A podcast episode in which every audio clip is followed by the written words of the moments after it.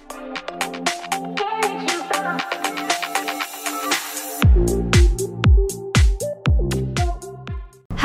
selamat sore. Bertemu lagi dengan kami di podcast Dewan Kesenian Malang. Kali ini Priska bersama dengan narasumber dari BPH Sastra, yaitu Ibu Kusmiati. Selamat sore Ibu, gimana kabarnya? Iya, selamat sore. Baik, Mbak Priska. Syukur, terima kasih ya Bu sudah bisa atau sudah mau datang ke sini dengan membawakan tema-tema yang spektakuler. Hmm, sebentar ini, sebentar ini akan saya berikan temanya yaitu Bu ya, membumikan sastra anak. Iya. Iya, tapi sebelum itu saya akan memperkenalkan, memperkenalkan aduh belibet Ibu. Ibu Kusmiati ini adalah seorang guru di SMP Sabilillah ya Bu. Iya, betul. Wah, itu sejak kapan Ibu menjadi guru Bu? Iya, sejak tahun 2003 ya, pertama kali berdiri ya, SMP Islam Sabilillah Malang. Hmm, kalau mendengar kata Sabilillah, saya keinget dengan dosen pembimbing dua skripsi saya, yaitu Pak Ibrahim Bafadal, Bu. Iya, beliau adalah direktur saya. Direktur Waduh, LPI Sabilillah. dunia ini sempit sekali. Iya. Ibu mengajar mata pelajaran bahasa dan sastra Indonesia, Bu ya. Iya, sekali Mbak Priska. Oh, dulu alumni di mana, Bu? Iya, kebetulan saya alumni UM Universitas Negeri Malang. Jurusannya juga Iya, pendidikan bahasa dan sastra Wah, Indonesia. Tapsul. Ibu sudah memiliki putra-putri, Bu ya? Iya, alhamdulillah. Wah, keren. Ibu Kusmiati ini udah seorang guru, ya, seorang istri, seorang ibu di rumah, seorang penulis juga. Waduh, penulis novel ya, Bu? Iya. Wah, judulnya apa, Bu? Ya, beberapa novel saya yang sudah terbit ya yang terakhir tahun 2018 adalah Damai Cinta di Baitullah ya. Kemudian ada beberapa lagi yang memang belum saya launching, Hijrahku untuk dia, kemudian Rembulan dan beberapa karya kumpulan cerpen juga yang alhamdulillah sudah lolos masuk diseminasi literasi nasional Kemendikbud pada tahun 2017 yaitu Merajut Asa di Batas Negeri dan beberapa karya antologi puisi juga. Waduh. Hidupnya ini tidak lepas dari keestetikan ya, Bu ya. Ya, mencoba untuk istiqomah Iya. untuk selalu menulis. Sedikit banyak berarti hidupnya ini penuh dengan keindahan. Sebelum mengarah ke temanya, Bu ya. Iya. Sebenarnya arti sastra itu apa sih, Bu? Iya, pada prinsipnya, pada prinsipnya ya, eh, sastra itu sangat dekat dengan diri kita. Ya. Yaitu kita tahu bahwa sastra itu adalah memperhalus etika, kemudian juga es memperkenalkan tentang estetika dan memperkokoh etika seseorang. Jadi kalau kita ingin mengenal lebih jauh tentang sastra, itu jauh ya eh, hadirnya bersamaan dengan lahirnya sebuah bahasa pertama kali yang kita terima ya. Bagaimana kita eh, dalam rahim seorang ibu pun sebenarnya kita sudah mengenal ya, mengenal tentang sastra itu dari ikatan batin seorang ibu ya ketika berdialog dengan janin. Jadi itu pada prinsipnya Mbak. Jadi Oh. etika dan estetika. Etika dan estetika. Sastra adalah yang berkenaan dengan etika dan estetika dan dekat dengan kita, Bu ya. Iya. Berarti yang menyastra atau yang bersinggungan dengan sastra itu tidak hanya seniman, budayawan begitu Bu ya. Siapa pun bisa ya Bu ya sebenarnya. Tapi eh, kepekaan seorang seniman itu lebih menonjol dibandingkan orang-orang yang biasa. Itulah yang membedakan kenapa ada sastrawan Oh, dan iya. ada orang lain. Jadi tergantung sejauh mana seseorang itu mampu mengasah ya, mengasah kepekaan dirinya melalui sastra tersebut. ya. Bagaimana mengukir aksara menjadi untayan Oh, yang bernilai etika dan estetika tadi. Aduh, estetik sekali. Seberapa peka dirimu? Baik Bu, Iya. itu tadi arti dan kurang lebih sejarah dari sastra Bu ya. Kalau jenis-jenis sastranya sendiri itu apa saja Bu? Iya banyak ya mbak Iya. ya. Eh, kita kenal yang anu yang umum ya puisi. Puisi pun di jenisnya banyak sekali ya. Ada pantun, ya kudindang, syair, talibun, saloka dan yang lain. Kemudian kalau dari segi sastra, jenis dari sastra ada cerpen ya, cerita pendek, kemudian eh, novel ya. Novel pun dibagi menjadi beberapa jenis lagi sebenarnya. Ada yang eh, alirannya romantis ya, novel romantis, religi ya kan. Jadi banyak sekali dan eh, sekarang kan muncul juga ya sastra modern ya yang Hmm. kita tahu bahwa globalisasi dan era digital ini telah uh, mengalihkan ya bagaimana kita berproses, bagaimana menulis bahkan Pak Tengsu sendiri kan sudah menggulirkan petinggraf ya. Jadi tiga paragraf cerita, nah, itu kan cerita pendek. Nah itu adalah salah satu bentuk prosa juga, jenis dari sastra baru ya, kalau menurut saya. Sekarang juga semuanya tidak lepas dari digital Bu ya. Iya benar. Mau tidak mau kita sebagai penulis juga harus mengarah ke arah sana. Tapi tetap eh, idealisme sebagai seorang penulis harus tetap kita jaga ya. Iya.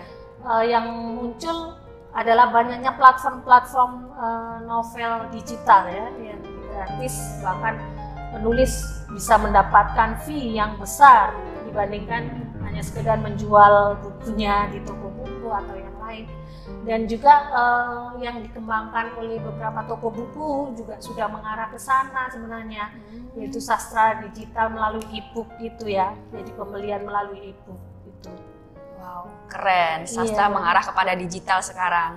iya Eh, mau nggak mau kita harus iya. mengikutinya Ya udah zamannya Bu ya.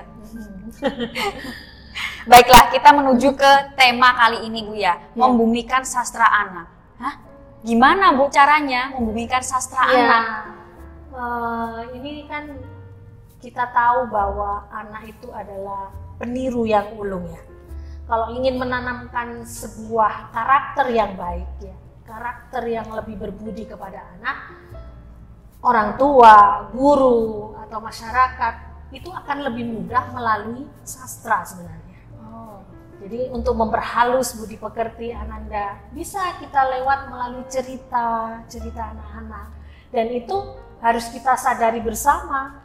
Jadi peran orang tua, guru, masyarakat itu juga sangat penting di sini. Bagaimana penyediaan bahan-bahan bacaan yang bernilai sastra untuk anak-anak ya. Bagaimana eh, karya itu mampu menghantarkan anak menumbuhkan eh, karakter ya karakter jujur, keteladanan di dalam cerita tersebut. Dan itu akan akan bagus ya, karena eh, dengan adanya sastra anak tersebut, maka karakter bangsa ini juga akan lebih unggul lagi, Waduh, ya. lebih unggul, lebih tajam lagi. Jadi itu. Berarti anak itu harus diarahkan kepada bacaan-bacaan yang mendukung juga Bu ya. Iya betul. Jadi bacaan-bacaan yang bernilai sastra tadi ya. Jadi eh, kalau anak sekarang apalagi Iya. generasi milenial ya, kalau diberitahu eh, pasti dia akan memberikan argumen ya.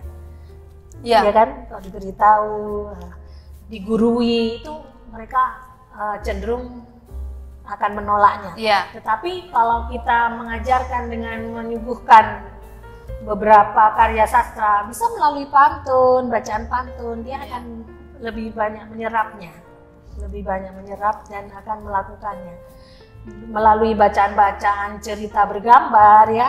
Oh, caranya untuk eh, bersosialisasi dengan teman harus seperti ini. Itu tanpa menggurui kan di Iya. dalam cerita tersebut. Nah, Iya. Anak akan eh, merekam di dalam otaknya untuk terus mengembangkan diri. Oh, harus seperti itu ya. Jadi karena itu tadi bahwa anak adalah peniru yang ulung ya peniru yang sangat hebat sehingga apa yang dia baca, apa yang dia lihat itu akan mempengaruhi pola pikir anak tersebut dan mempengaruhi tumbuh kembang anak serta karakternya di kemudian hari. Oh. Tapi Bu ya, anak sekarang tuh memang terkesan atau terkenal dia itu pandai berargumen. Itu memang baik Bu ya sebenarnya Iya, Bu ya. baik. Baik, tapi kalau terlalu berlebihan juga itu gimana Bu? Iya. Eh, kemampuan berkomunikasi memang Iya. harus kita tanamkan kepada anak memang ya dan dengan bersastra mengenalkan sastra kepada anak itu mengajarkan anak bagaimana cara berbahasa yang baik. Cara berbahasa yang santun melalui tokoh-tokoh yang ada di dalam bacaan cerita tersebut ya. Jadi itu arahnya sehingga anak akan lebih bisa mengontrol emosinya mengendalikan dirinya ketika berargumentasi mengeluarkan pendapat ide dan pikirannya secara baik dan benar baik. Anak itu anak itu Bu ya. Kalau diguruin kan nggak mau Bu ya. Terus kadang sebagai seorang ibu itu kayak sulit. Itu kita harus gimana? Apakah kita harus sebagai ibu misalkan yang misalkan udah punya anak nih ya, ibu memerankan peran sebagai teman bagi anaknya itu kira-kira itu menjadi salah satu upaya yang pas atau tidak supaya anak itu tadi ya bisa lebih terkontrol tapi dia juga mampu berkomunikasi dengan baik, berani, berargumen gitu, Bu. nah itulah fungsinya uh, pola asuh orang tua Jadi ini seperti seorang psikolog anak.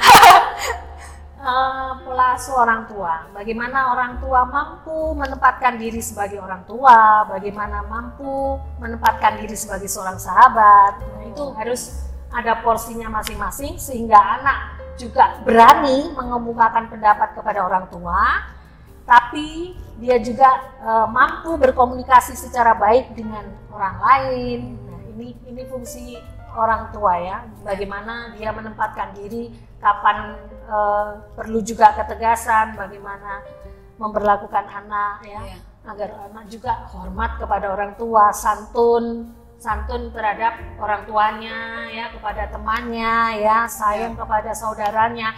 Nah ini bisa kita semaikan melalui sastra. Sastra. Nah, kalau eh, sastra anak ini semakin membumi, insya Allah akan muncul generasi-generasi yang unggul, berkarakter, yang akan memimpin bangsa ini. Jadi eh, kalau ini terasa, maka insya Allah ya, ini segala ikhtiar kita ya, dengan melalui cerita anak yang bagus ya, berpuisi yang bagus, anak-anak ini akan terbentuk karakternya menjadi yang baik. Oh, berarti dia memiliki eh, tumbuh kembangnya bagus, karakternya bagus. Nah, inilah yang akan mengantarkan Indonesia pada bangsa yang unggul, ya. Oh, waduh. bangsa yang berbudi, luhur ya, seperti yang dicita-citakan sesuai dengan undang-undang. Waduh. Gitu ya. Sastra dari sastra yang hanya yang Iya. artinya estetik itu bisa sampai ke negara-negara loh ya. Iya. Jadi membumikan sastra anak ini dalam rangka untuk mewujudkan karakter berbudi anak Iya. sebenarnya. Dan itu juga berkat dukungan dari lingkungan juga Iya. Bu ya. Nah, luar biasa ya penulis-penulis untuk sastra anak. Mereka itu juga berjihad sebenarnya. Iya kan? Berjihad bagaimana menanamkan nilai-nilai moral yang baik melalui tulisan. Dan Keren, untuk konsumsi anak ya. Karena eh, pendidikan karakter ini harus ditanamkan sejak dini, sejak kecil ya. Nah, untuk sastra anak kan kisaran usianya adalah 6 sampai 13 ya. Ini semakin banyak eh, penulis-penulis sastra anak, maka insya Allah lah eh, benar-benar sastra ini membumi Iya. dan bisa mewujudkan karakter berbudi bagi bangsa ini, Mbak. Dan estetika. Ya, jangan lupa itu. Iya. ya. Sastra tidak lepas dari estetika dan Iya. etika. Dan etika. Iya. Bu, eh, kira-kira sastrawan idola ibu siapa sih? Wah, berhubungan dengan Iya, sastrawan. eh, saya sangat mengidolakan dengan tulisan-tulisan Pramudia Tatur. ya. Pramudia, Pram. Iya.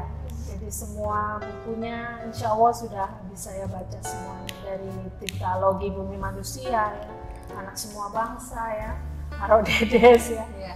Jadi itu itu benar-benar luar biasa eh, dan menginspirasi saya bagaimana eh, menulis yang baik, menulis berdasarkan pengalaman ya, didasarkan pada eh, kenyataan yang ada, tapi dikemas dalam bentuk fiksi. Fiksi. Iya, keren. Tapi dia itu memang bagus loh, Bu. Eh, beliau itu adalah sastrawan empat zaman. Jadi sebelum zamannya Orde Lama itu beliau juga sudah sukanya menulis sampai akhir hayatnya, Bu ya. Iya. Betul. Baiklah. Terima kasih Ibu Kusmiati atas waktunya. Ya, sama-sama. Terima kasih atas kesempatannya. Iya, semoga bahasan kali ini bermanfaat dan bisa membumikan sastra pada anak. Baik. Iya. Baik, terima kasih Bu atas waktunya. Sama-sama. Mbak. Sampai jumpa di kesempatan lainnya. Dadah.